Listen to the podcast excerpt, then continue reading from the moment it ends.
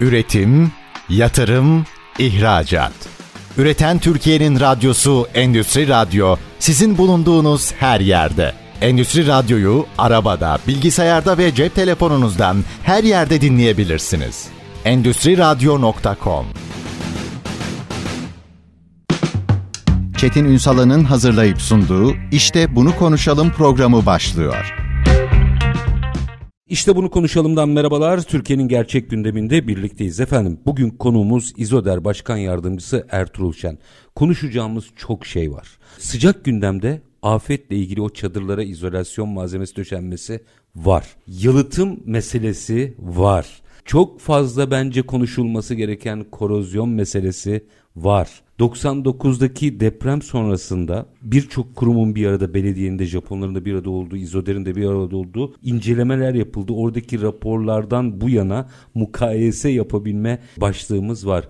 Var oğlu var. Çünkü kıymetli bir konuğumuz bizlerle birlikte İzoder Başkan Yardımcısı Sayın Ertuğrul Şen. Hoş geldiniz efendim. Hoş bulduk Çetin Bey. Üstadım şimdi o kadar çok şey konuşmamız gerekiyor ki ilk önce sıcak gündemden bahsedeyim. Çünkü bu iki hafta boyunca sizlerle zaman zaman telefon bağlantısı da kurduk. Siz konuştuğumuzda bile ilk tır çıkmış diyorlar. Bu çadırların yalıtım malzemesi meselesi. Şu anda son durum ne bir kere onu alalım. Evet Çetin Bey tekrar ben tüm ülkemizin başı sağ olsun diyorum. Var olun. Vefat edenleri Allah'tan rahmet diliyorum yakınlarına ve ülkemizin vatandaşlarına da sabır diliyorum. İnşallah böyle bir acıyı bir daha yaşamayız diyoruz ama yaşıyoruz. Bilinen bir gerçek ki ülkemizde bir deprem ülkesi, deprem kuşağında yer alan bir ülkemiz var. Bununla yaşamayı becermemiz lazım. Bunun yaşamanın, bununla yaşamanın yollarını bulmamız lazım. Aslında her şey ortada, biliniyor. Fakat nedense işte bu 12. gündeyiz galiba. Bir ay sonra belki daha az konuşacağız. Yani canlarımız gene yanacak, unutmayacağız belki ama e, günlük işlerimizde biraz daha kanıksayacağız. Sanki bunları kabulleneceğiz ama kabullenecek bir şey değil. 38 40 bine yakın insanımızın vefat ettiği bir olayı unutmak tabii ki mümkün değil ama bazı şeyler var. İnsan belleği bunları bir tarafa stok ediyor. Yaşadığımız zaman tekrar canlanıyor. İşte 99 depremini anıyoruz. Düzce depremini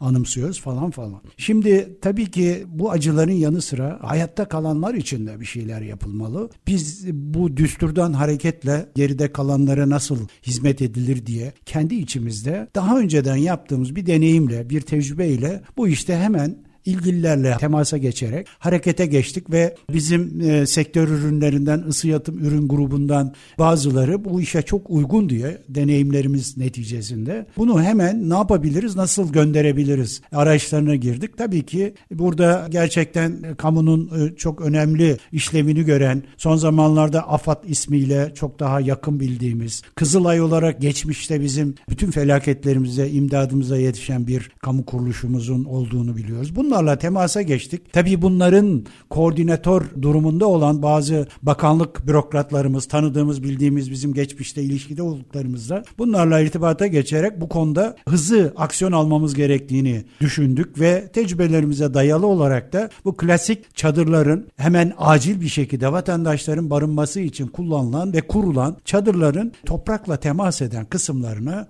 bunun serilmesi yağmurdan, kardan, kıştan, mevsim kış, Doğru, kar zor bölgelerde artık neresi müsaitse oraya koymaya çalışıyorlar. Her yer böyle değil belki. Anlatacağım onu da. Ama olan yerler var. Orada da kurulması lazım. İnsanların orada barınmasına imkan verilmesi lazım. Dolayısıyla XPS dediğimiz bizim Expande Polystren adlı ısı yalıtım malzememiz suya dayanıklı, ısı kaybını zaten adı üstünde ısı yalıtım malzemesi, basma dayanımı olan, üstünde yürünebilen, gezilebilen olanlarından hemen gönderip bizim bu son depremlerde bayağı fayda sağlamıştık. Bu burada da aynı şekilde ilgililere ulaştık. Bu arada ilgililer derken hemen isimleri de Lütfen. ben teşekkür etmek için anmak istiyorum. Başta Çevre Şehircilik Bakanlığımızın Yapı İşleri Genel Müdürü Banu Aslan Can hanımefendi gerçekten çok destek verdi. Doğru insanlara ulaşmamız için biz AFAD'daki yeni yapılanmayı bilmediğimiz için Siz zamanla yarışıyorsunuz. Zamanla millete. yarışıyoruz. İnsanlar açta, açıkta ve üşüyorlar kış gününde. Hemen AFAD Koruma ve Yapı İşleri Genel Müdürü. Birkaç tane genel müdür var. Bir tanesi çıkıyor depremle ilgili olarak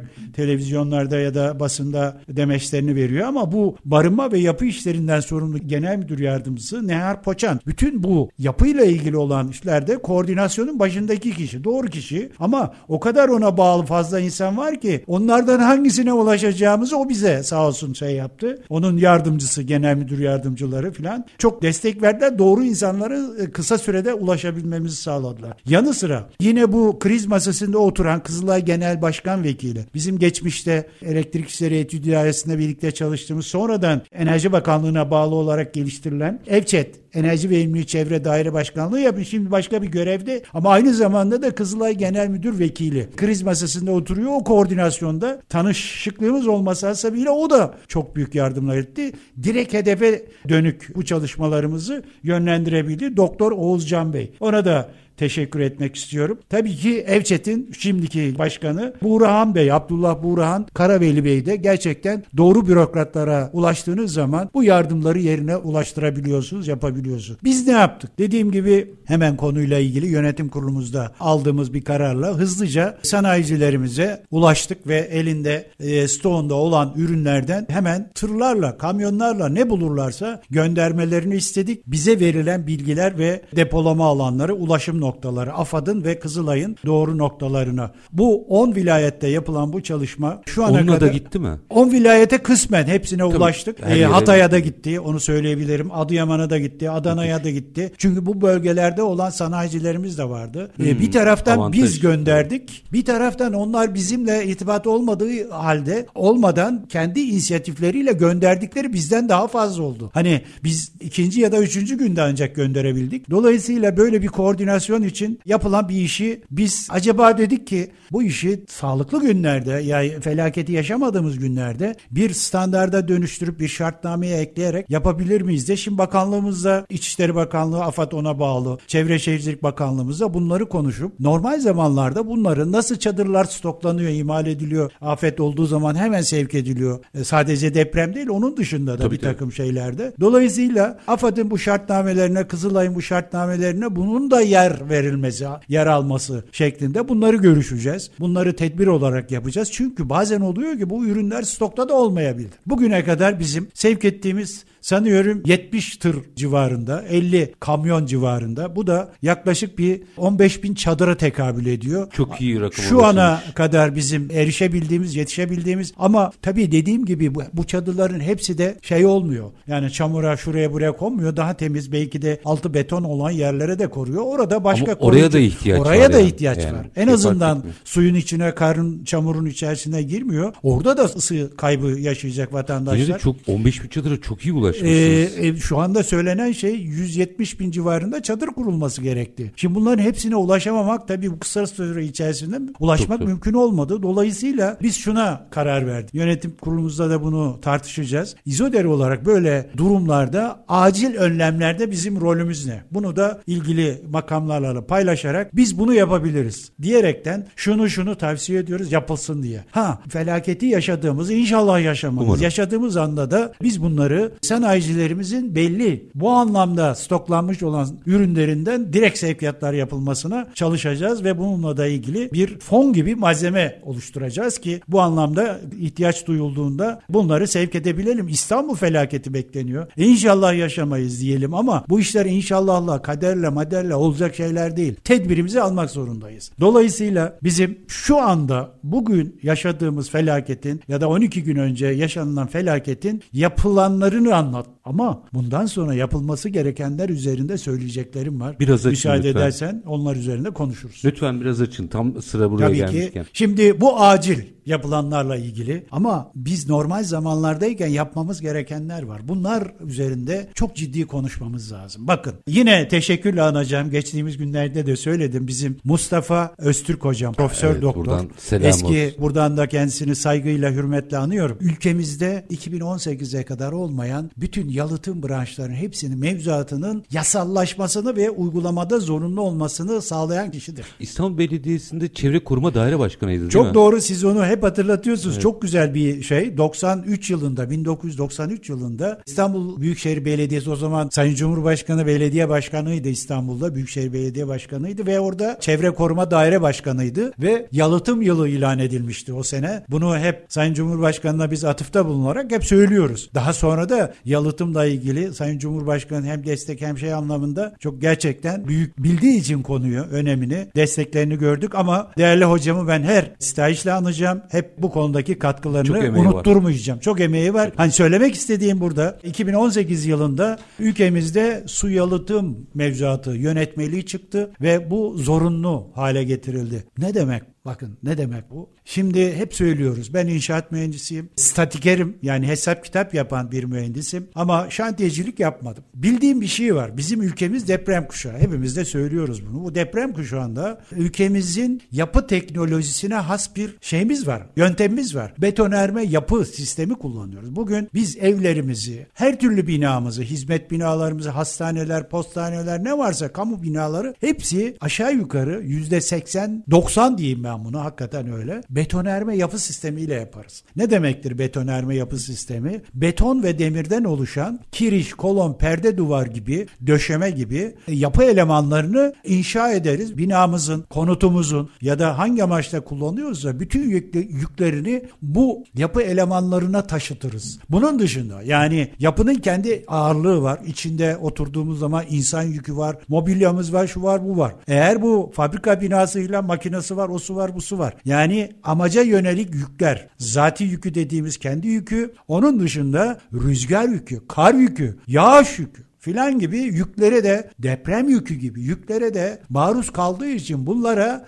biz baz alarak hesap kitap yaparız. Buna göre demirin kalınlığı, betonun dozajı, efendim kaç kilo gidecek, kaç metrekareye neler gidecek bunlar mühendislerin işi olarak yapılır. Ve bizim ülkemizde de bazı deprem katsayısı gibi yani şu depreme dayanıklı olmasını istediğimiz bina hesabı yapacağız diye katsayılar vardır. Bunlar üzerinde durulur ve buna göre binamızı inşa ederiz. Bitti mi? Bitmedi. Şimdi demir ve beton diyoruz. Demir ve beton suya karşı hassastır. Suya karşı hassas dediğimiz bölgeler zeminde perde duvarın, kirişin, kolonun bulunduğu bölgelerde zemin suyuyla bu betonerme yapı elemanları, perde duvarlar, kiriş kolonlar karşılaştığı zaman ve ki bunlar binamızı biz 5-10 yıl için inşa etmiyoruz. Ben bana öğretilen yurt dışındaki bina inşaat e, süresi 80-100 yıl. Ama biz ülkemizde 40-50 yıl bile dayanmasına mümkün bir şey ya- yap- diyoruz. yapmıyoruz. Yani, evet. Yaşlandı diyoruz. Niye? Çünkü bu usullere, bu kurallara konulmuş olan mühendislik kurallarına uymamız, uyulması için denetlenmesi filan bunlar doğru mu yapılıyor? İşte soru işaretleri burada başlıyor. Ama söyleyeceğim şimdi şey bugünkü aslında benim gündemimde olan bu hesabını kitabını doğru yaptıysak biz bunu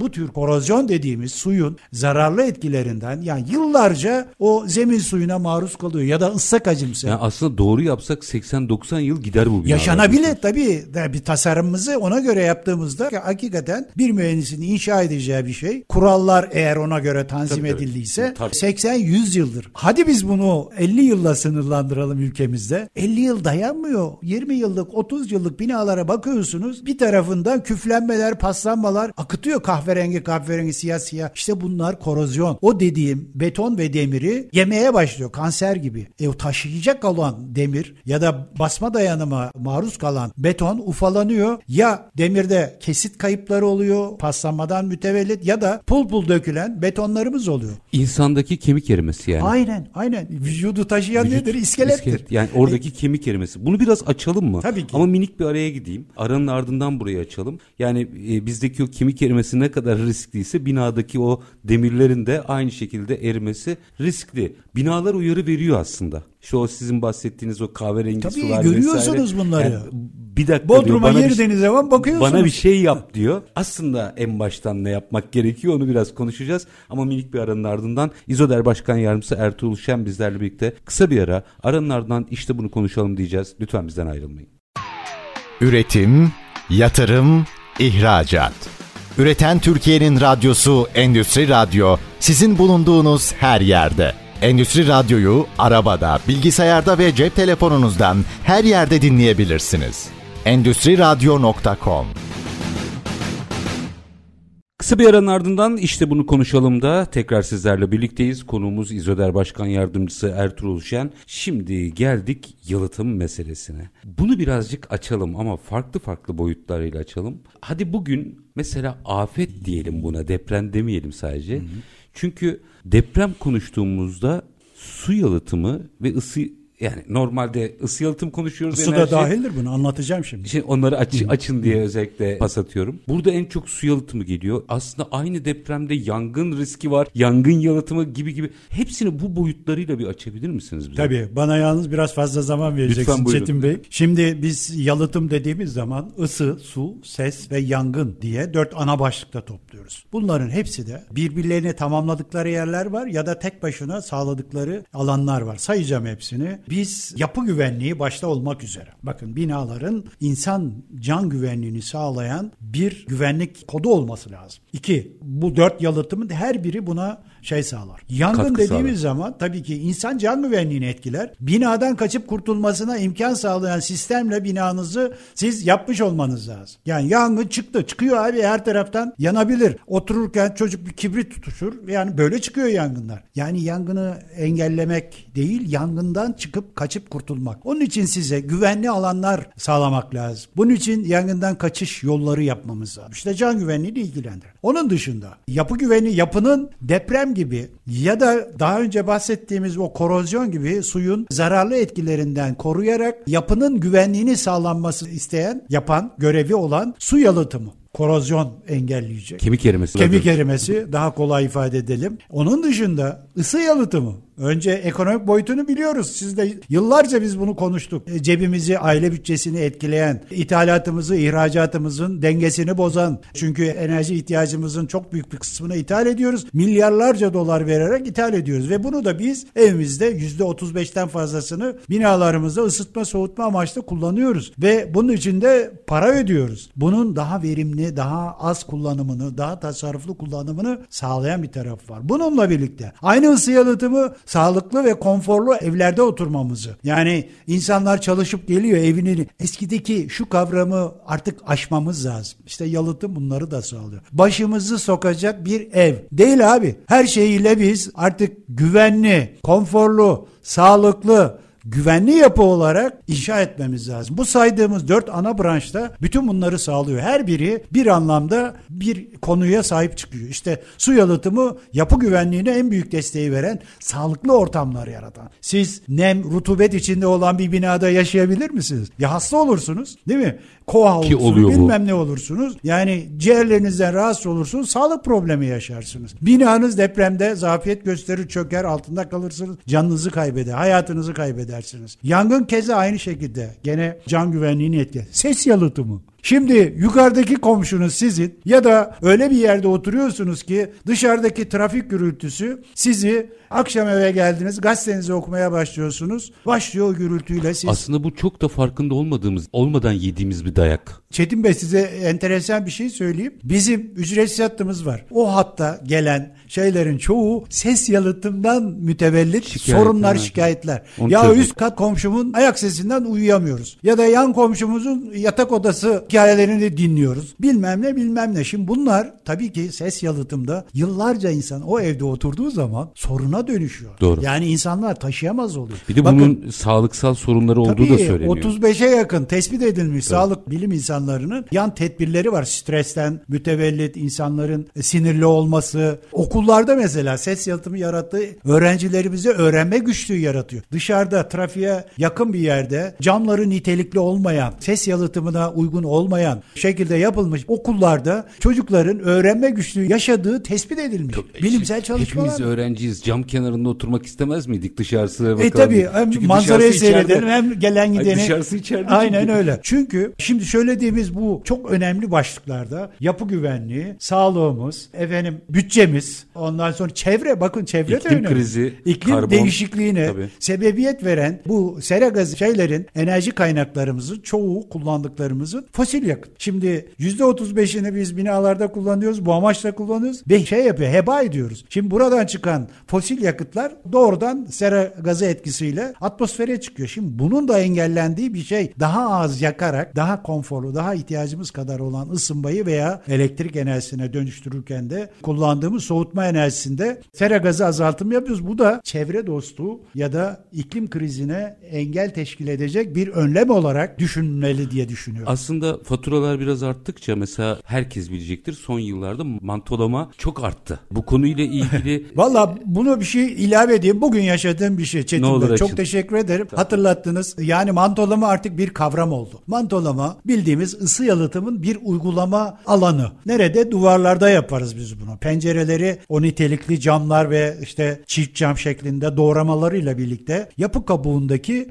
yapılan bir uygulamadır mantolama. Isı yalıtımının bir bölümünü teşkil eder. Isı yalıtımı çok kapsamlı bir şeydir. Şimdi bu mantolama kavramı üzerinde vatandaşlarımızla hakikaten çok büyük bir bilinçlendirme çalışmasıyla kavramı oturttuk sanıyorduk ama öyle zamanlar yaşıyoruz ki hani bir konuda bir suçlu arandığı zaman işte ilk önce sanki mantolamayı buluyorlar. Yani e, bugün çok değerli bir başkanımız bir kurumun başında eski başkanlarında birisi bir demeç verdiğini ifade ediyor. Yıllar önce ya da üç gün önce neyse bu deprem esnasında orada da bir yayın kuruluşumuz bir gazetemiz önemli bir gazetemiz bunu da almış mantolama imar affı kadar tehlikelidir. Hayda al buradan yak. Şimdi kardeşim ben 22 yıldır ülkemde bu kavramı oturtmaya çalışıyorum. İki satırlık şeyle yerle bir ediyoruz. İnsanlar bizim İzoder'in ücretsiz hattına telefon yağdırıyor. Kardeşim yasaklandım bu ne biçim iş? Sen bir taraftan bunu söylüyorsun bir taraftan da devlet bunu yasaklamış. Nasıl oluyor? Şimdi hepimiz dikkatli olmak zorundayız. Başkanımızın ne dediği ben tanıdığım için biliyorum. İnanıyorum da öyle kastetmedi. Çünkü her şeyi biz mantolamaya çalışıyor. Bu da yanlış abi. Bu da yanlış. Yani mantolama... günün sonunda aslında bir mühendislik işi bu. E, tabii tabii güvenli olmayan yapılarda sen hangi işi yaparsan yap böyle bir sonuç çıkar. Şimdi tabii mantolama kat kat yapılıp üstüne de en son boyayı ve güzel güzel görüntüleri estetik anlamda yapıp bırakıyoruz ya. Sanki böyle de algılanabiliyor. Böyle yapılmıyor. Mantolama dediğimiz şey bir mühendisin tasarladığı nerede ne olacak. Ama önce binan sağlam olması lazım. Bakın Çevre ve Şehircilik Bakanlığı yaptığı araştırmayla Türkiye'deki yaklaşık 15 milyon binanın 6.7 milyonunun sağlıksız, güvensiz ve tehlikeli olduğunu tespit etti ve yıkılması gerektiğini söylüyor. Siz sabaha kadar boyayın onları. Bırakın Ha, sen bunun içinden 3 milyonunu ben bilmem ki ama bir çare de bulunması da lazım. Yani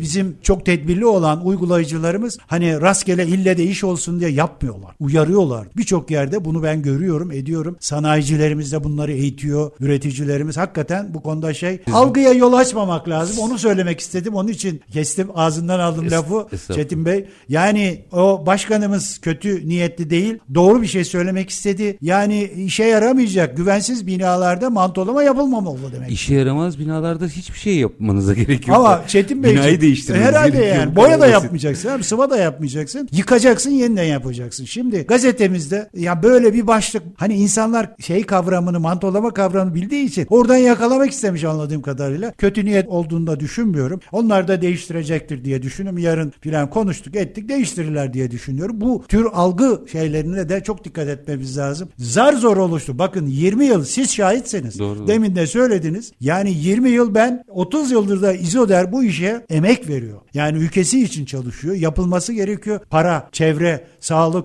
güvenlik hepsini ihtiva eden bir konuyu yanlış dejenere bir yola sokmayalım. Üstad yıl 98'di galiba.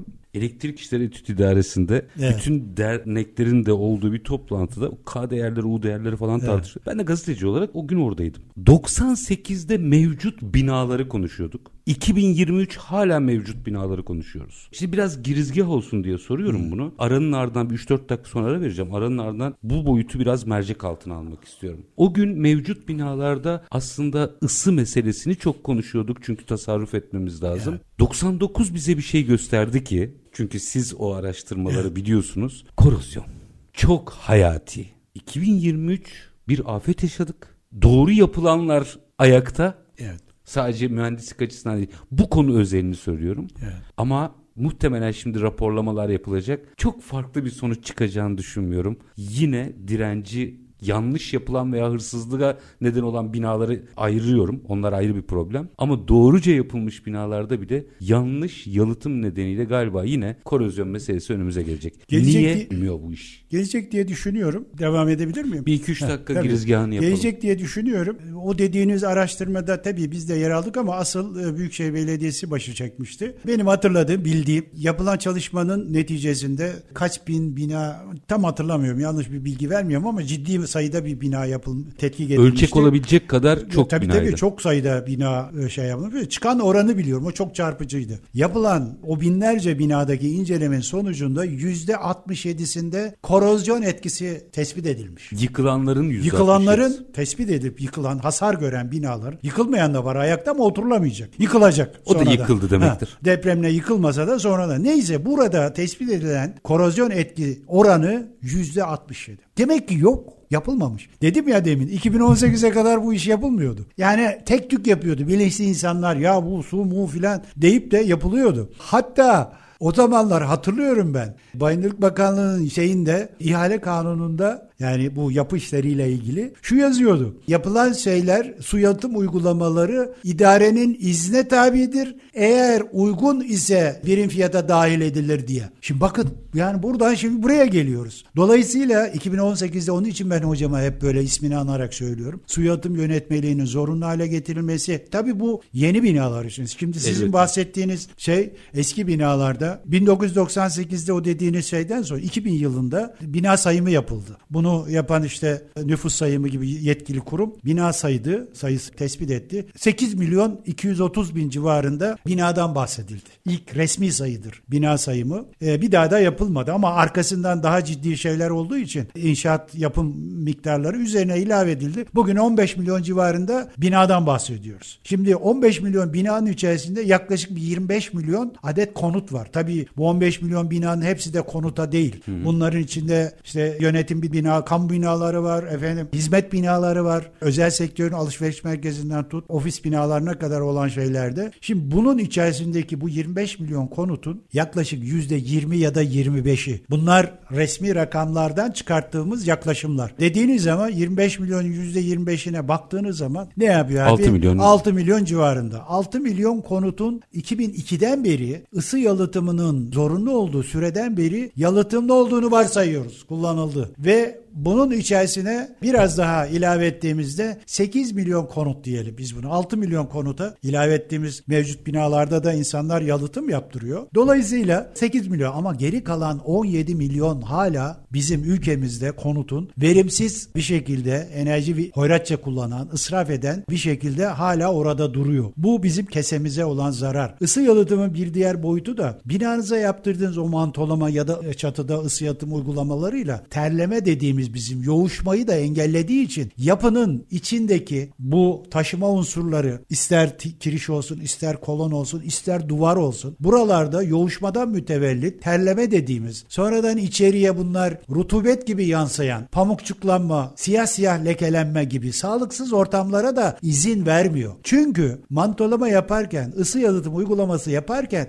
yoğuşma tahkiki dediğimiz mühendisin yaptığı bir inceleme oluyor. Yani su buharı bazen dışarıda bazen oturduğumuz konutun içinde, dairenin içinde şey halinde duruyor. Bu bir yerde yoğuşup duvarın içinden geçmeye çalıştığında bir yerde suya dönüşüyor. Eğer ısı farklılığından dolayı karşılaşırsa. Başlıyor yemeye. Ve ha binanın sıvasında yoğuşabiliyor, tuğlanın içinde yoğuşabiliyor, dış cephesinde yoğuşabiliyor. Yani dışa atıyor ama çoğunlukla da içeri atıyor. İşte farklı yapı malzemelerin köşelerde, kenarlarda birleştiği yerler, tuğlayla betonun birleştiği yerlerde bunu görürüz biz. Vatandaşımız bunu yaşayarak görüyor. Bu da sağlıksız bir ortam. Bu da korozyona yol açan bir şeydir. Bunların da engellendiği bir ısı yalıtımından bahsediyoruz. Minik Ee, bir araya gideyim. Tabii. Aranın ardından birazcık çözümü konuşurken biraz üzüldüğüm, biraz endişeyle de baktığım bir meseleyi tam da buradan değerlendirmenizi rica edeceğim. Çünkü mesela depreme güvenli binalar veya afetlere güvenli binalar konuşuyoruz. Bu anlattıklarınız yalıtım bir numaraya girmesi gerekiyor. Bence. Bunu biraz açalım ne olur. Ama kısa bir aranın ardından İzoder Başkan Yardımcısı Ertuğrul Şen'le sohbetimiz devam edecek. Lütfen bizden ayrılmayın. Üretim, yatırım, ihracat. Üreten Türkiye'nin radyosu Endüstri Radyo sizin bulunduğunuz her yerde. Endüstri Radyo'yu arabada, bilgisayarda ve cep telefonunuzdan her yerde dinleyebilirsiniz. Endüstri Radyo.com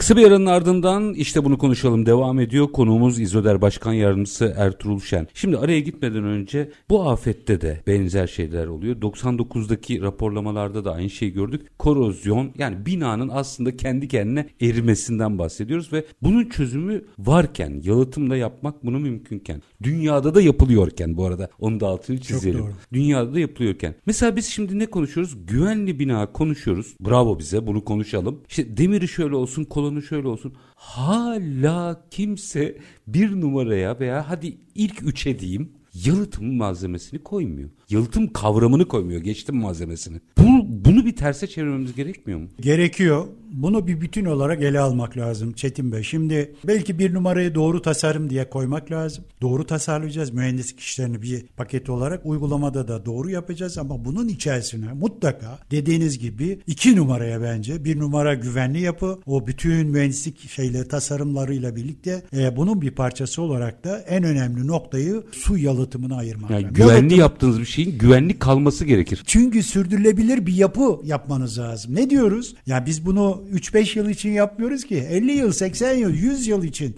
yaşayacağız. Ve bu harcayacağınız bedeller de sizin binayı 80 yıl kullandığınız zaman onu bir işletme gibi görün. İçinde ne yapıyorsunuz? Oturuyorsunuz. Elektrik, e, su faturası bilmem ne her şeyiyle o binayı işleterek içinde yaşamınızı sürdürüyorsunuz. Bu işletme maliyetlerinin içerisinde sonradan size büyük faydalar sağlayacak. Elektrik faturasını daha az, doğalgaz faturasını do- daha az, bakım onarım maliyetlerini daha azaltan, sağlıklı, konforlu, uzun vadeli kullanacağınız o işletmenize katkı sağlayan yalıtım branşlarıdır bunlar. Isı yalıtımı, su yalıtımı, ses yalıtımı ve yangından korunma önlemleri olarak binanızı bugün yapacağınız yatırımlarla siz 20 yıl değil, 30 yıl değil, 80-100 yıl kullanabilirsiniz. Bu. Başlangıçta da galiba maliyetlerin içinde çok komik. Sonradan yapılınca çok maliyetli Yani oluyor ama. inşaatın yeni inşaat maliyetleri içerisinde toplasanız yüzde beşi geçmiyor. kadar, o kadar. Bütün bu maliyetler. Evet. Raporlar öyle tek tek gösteriyor. baktığınız zaman yüzde iki olanı var, yüzde üç olanı var, yüzde yani yüzde beş altıyı geçmeyen bir maliyetler. Ama sizin kullanım maliyetinizi, işletme maliyetinizi, bina işletme maliyetinizi uzatan bir şeyiniz var. Yani bir kere burada bunu söylemek lazım. Benim altını çizmek Bu istediğim normal zamanlarda bir de bu tip afet durumlarda binanın dayanımıyla ilgili önemli bir yeri E tabii var. ki işte depremde binanız daha sağlıklı, daha sağlam ayakta durabiliyor. Tabii başka faktörler var. Hepsini buna bağlamak Tabii. çok da doğru değil ama bu olmazsa olmaz. Yine söylediniz doğru yapılmış bir bina. Çok doğru. Bakın gelişmiş ülkeler su yalıtımını deprem olduğu için yapmıyor. Diyorum ya hep işte Almanya'da öğrendik ettik falan diye. Almanya'da deprem yok ki. Doğru. Yaşanmıyor yani. Hani ben duymadım. Zaman zaman böyle yüzde 3.8'i büyütüyorlar onlar. Deprem yaşadık diyor ama bizim gibi 7.7 falan şeyi yok. Ama su yalıtımını yapıyor. Niye yapıyor? Çünkü sağlıklı bir binada oturmak için yapıyor. Ha inşaat teknolojisi onun belki betonerme yapı sistemi olarak %30'larda %40'larda da ama yine de su yalıtımını yapıyor. Niye? E, sağlıklı bir ortamda yaşamak için. Korozyon yine bu taşıyıcı elemanları paslanmaya tabi kalmasın diye bunları yapıyor ve çok ciddi yapıyor. Hakikaten önlemler çok ciddidir. Dolayısıyla bizim ülkemiz üstüne üstelik bir de deprem ülkesi olarak betonerme yapı sisteminin suya karşı hassasiyeti dolayısıyla biz iki kat daha dikkat etmemiz lazım. Çünkü can güvenliğini etkileyen bir şey. Öbürü de sağlık tarafında ama bizde birinci aşamada bu. Dolayısıyla bütün yalıtım branşlarının hepsinin birbirinden önemli olduğunun altını ben çizmek isterim. İnşaat maliyetleri içerisinde yüzde beşleri geçmeyen ama sizin hem sağlığınızı hem konforunuzu, güvenliğinizi, çevreyle olan ilişkinizdeki pozitif tarafını sağlayan bu branşları bizim ülkemizde eksik olan bir şeyin de altını çizeyim. Eksik derken biraz e, ihmal ettiğimiz bütün bunlar hepsi mevzuat olarak var. Dedim ya 2018'de bizim yalıtımcıların mevzuat eksikliği yok. Ne eksikliği var? Ya da doğru yapamıyoruz ya da yetişemiyoruz. Şimdi bu işlerin denetiminde yapı denetim kuruluşları ya da işte ilgili bakanlıklarımızın birimleri bunları malzeme olarak ya da inşaat esnasında kanuna uygun olarak görevlendirilen kişiler yapıyorlar. Şimdi burada aksaklıklar var. Şimdi yani bunu kabul etmemiz Burada lazım. itiraz edeceğim bir şey var. Estağfurullah. Yetişemiyoruzu kabul etmek istemiyorum. Almanya'da 80 milyon, bizde 80 milyon. Onlar yetişiyorsa benim de yetişiyor olmam lazım. Yetişemiyorum derken yanlış ifade ettim. Yapmıyoruz. Hadi öyle diyeyim. Yapmıyoruz. Kabul ediyorum. Bunu yapmak lazım, yapmamız lazım. Ne kadar önemli olduğunu görüyoruz. İşte 38 bin, 40 bin insanımız öldüğünde bunlar önemli diye bas bas bağırıyoruz ama normal zamana döndüğümüzde rolü olanlar, müteahhidi de, malzemecisi de, uygulayıcısı da, ustası da, denetimcisi de hepsi de rol almalı bence. Burada denetim fonksiyonları devletin kontrolünde bunu söyleyeyim. Devletin görevlendirdiği yasayla teşkil ettiği yapılarda işte yapı denetim kuruluşları bunu yeni binalarda siz anlaşıyorsunuz evi yaparken o projeye uygunluğunu zaman zaman geliyor denetliyor. Ama öyle sistemde aksayan yönler var ki oturduğu yerden denetliyorsa bu denetim değildir. Tabii. Bu haksızlıktır. Bu orada yaşayacak olan insana kötülüktür. Dolayısıyla yapı denetimini bu zafiyetlerini de gidermek lazım. Artı hakkıyla bina yapanla hakkıyla yapmayan arasında da bir haksızlıktır bu. E tabii ki bu vergide de böyle değil mi tabii. E, Çetin Bey? Vergi affı yapılıyor ben karşıyım mesela. Vergi affı yapma kardeşim. O zaman ben doğru dürüst benim maaşımdan kesilen vergilerle ne suçum var ben ödüyorum da gibi. sen oradaki iş adamına ya da bir başka çalışanın hakkını şey yapıyorsun. Burada şunu biraz özellikle konuşalım. Bir 5 dakika var. Tabii. Mesela yalıtımdan gideceğim. Isı ile ilgili, enerji ile ilgili problemimiz olduğunda nasıl daha çok enerji üretirizi konuşuyoruz ama enerjiyi verimli nasıl kullanırızı konuşmuyoruz. Yangınla ilgili ne yapabiliriz konuşuyoruz ama yangın yalıtımını konuşmuyoruz. Daha az konuşuyoruz diyeyim. Bu depremlerle ilgili nasıl daha sağlıklı binalar yaparızı konuşuyoruz. Nasıl daha sağlıklı kalırı konuşmuyoruz. İtirazım veya içime dertlendiğim nokta bu. Evet. Şimdi Çetin Bey dediğim gibi bu denetim ayağındaki aksakların da giderilmesinde fayda var. Tabii ki bakın sanıyorum 3-4 yıl öncesine kadar bizim sektörün olduğu gibi başka sektörlerin meslek standartları yok. Yani piyasada bu işte meşgul olan, iştigal eden, yani faaliyet yapan, uygulayan insanların meslek standartları yok. Biz sektörümüzün hemen 7-8 tane meslek standartı, ısı yalıtımcısı, su yalıtımcısı, mantolamacısı, yangın yalıtımcısı gibi meslek standartlarına oturduk sektör olarak. Ne yapılması gerekir? Çalıştık bakanlıklarımızla, ilgili bakanlıklarımızla birlikte meslek standartları hemen çıkarttık. Hatta bununla ilgili ülkemizde şey yoktu. Akredite kuruluş olarak İzoder bir kuruluş kurdu, şirket kurdu. TEBAR, Test Belgelenme Araştırma Geliştirme Anonim Şirketi. Bu bir taraftan laboratuvar hizmetleri veriyor. Malzemelerle ilgili standartlara uygunluğunu test yaparak kendi imkanlarıyla akredite bir yapıdır burası da. Ama bir başka departmanı oluştu. O departmanda bu meslek standartlarında bakanlıktan akredite olarak ya uzman kuruluş olarak belirlendi ve kendi alanımızdaki meslek standartlarını sınav yaparak insanlarımıza belge verdik. Bakın bu bir çözümdür. Yani alaylı yetişen insanlar bir noktaya kadar tecrübeye binaen iş yapar ama günümüzde teknoloji geliştikçe, malzeme yapıları değiştikçe, uygulama çeşitleri değiştikçe bu standartlara göre ehliyetli olan insanların görev alması lazım. Bunu sağladık. Bunu yaptık. Burada da sıkıntılar oluştu. İnsanlar girmeden uzaktan bazı firmalar. Yani biz biz ondan sonra vazgeçtik ya. Yapamadık yani. Gelmiyor adam. Abi oturduğum yerden alıyorum ben diyor. Bak eleştiriyorum bunu. Bu bir eksikliktir. Bu yanlıştır. İnsanları bilmeden o standarda uygundur diye belgeyi vermek yani nasıl yasak tarif zaten. edeceğim bilemiyorum. Yasak Cinayettir zaten. yani. Hayır, yasak da kanunen de yasak. Dolayısıyla dolayısıyla yani bu gibi yerlerde tavizsiz olmamız lazım. Bizim gibi sektör kuruluşları bakın çıkar örgütü gibi gözüksek de biz İzoder olarak kurumsal yapısı güçlü. Gerçekten de bu iş için para yatıran, kaynak ayıran, fonksiyon yaratan kurumlar oluşturuyoruz. Sektörün dinamikleriyle, sektörün gücüyle bunu bakanlıklarımız da görüyorlar. Zaman zaman hatta biz şuraya kadar gittik.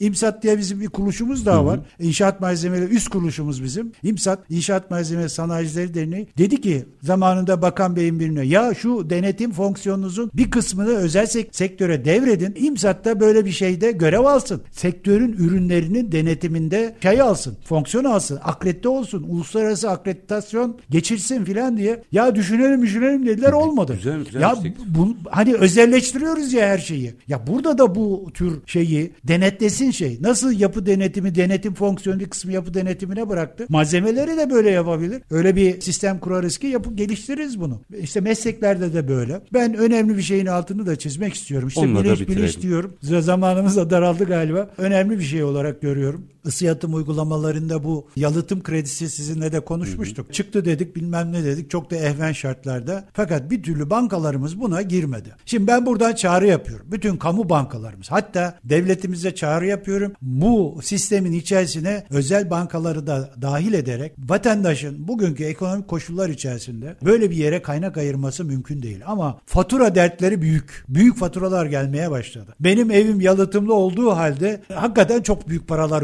ödüyoruz. Ayrı bir şey ama bir de faydalanmadan enerjiden israf ettiği bir şey var. O taraflara destek verilmesinin çok önemli olduğunu düşünüyorum. Buradan tekrar çağrı yapıyorum. Kamu bankalarının yanına özel bankaları da dahil ederek bu 5 yıl vadeli 50 bin liraya kadar tüketici kredisi, yalıtım kredisini genişletmemiz lazım. Bu bir. iki. Dahil olan bankaların bu konuyla ilgili elemanlarını ben buradan duyuru yapıyorum. Bakanlığımıza da çağrı yapıyorum. Biz eğiteceğiz. Yalıtımı mümkün olduğu kadar anlaşılır. Kapıdan içeri giren, kredi kullanmak isteyen vatandaşlarının sorularına cevap verebilecek seviyeye getirelim diyoruz. Eğitelim diyoruz. Bunları ha, bilsinler konuyu. Bilsinler konuyu. Çünkü kredi pazarlıyor yalıtımın ne olduğunu bu, bilmiyor. Bu tip bir eğitime hazır mı sizin derneğiniz? Tabii tabii tabii. Biz Türkiye'nin 5 ya da 10 büyük vilayetinde böyle çevre illerden gelecek şekilde bunu yapabilecek altyapıyı kurguladık. Hazırız yani. Bunu ben daha önce genel müdürlere de paylaştım. Ama neticede bu da çok önemli. Bunun bakanlık tarafından hakikaten desteklenmesi bir de bu işin tanıtımına reklam ayırması lazım. E, kamu spotu hazırladık. Bekliyoruz. Sayın Bakanıma buradan çağrı yapıyorum. Enerji Bakanıma ne olur. Sayın Bakanım birlikte hazırladığımız bu kamu, kamu spotunu spotu. yayınlanmasını lütfen sağlayın. Çok çok önemli. Hele ki, Teşekkür ederim. Hele ki şimdi süren bitti. Bir, bir soru sorayım bir cümleyle o bitireyim. Tabii. Yıl 23, 24 daha koyarsak 48. 2048'de Ertuğrul Şen'le Çetin Ünsal'ın bir yerde inşallah kahvesini içerken o günkü Ertuğrul Şen'le Çetin Ünsal'ın bunları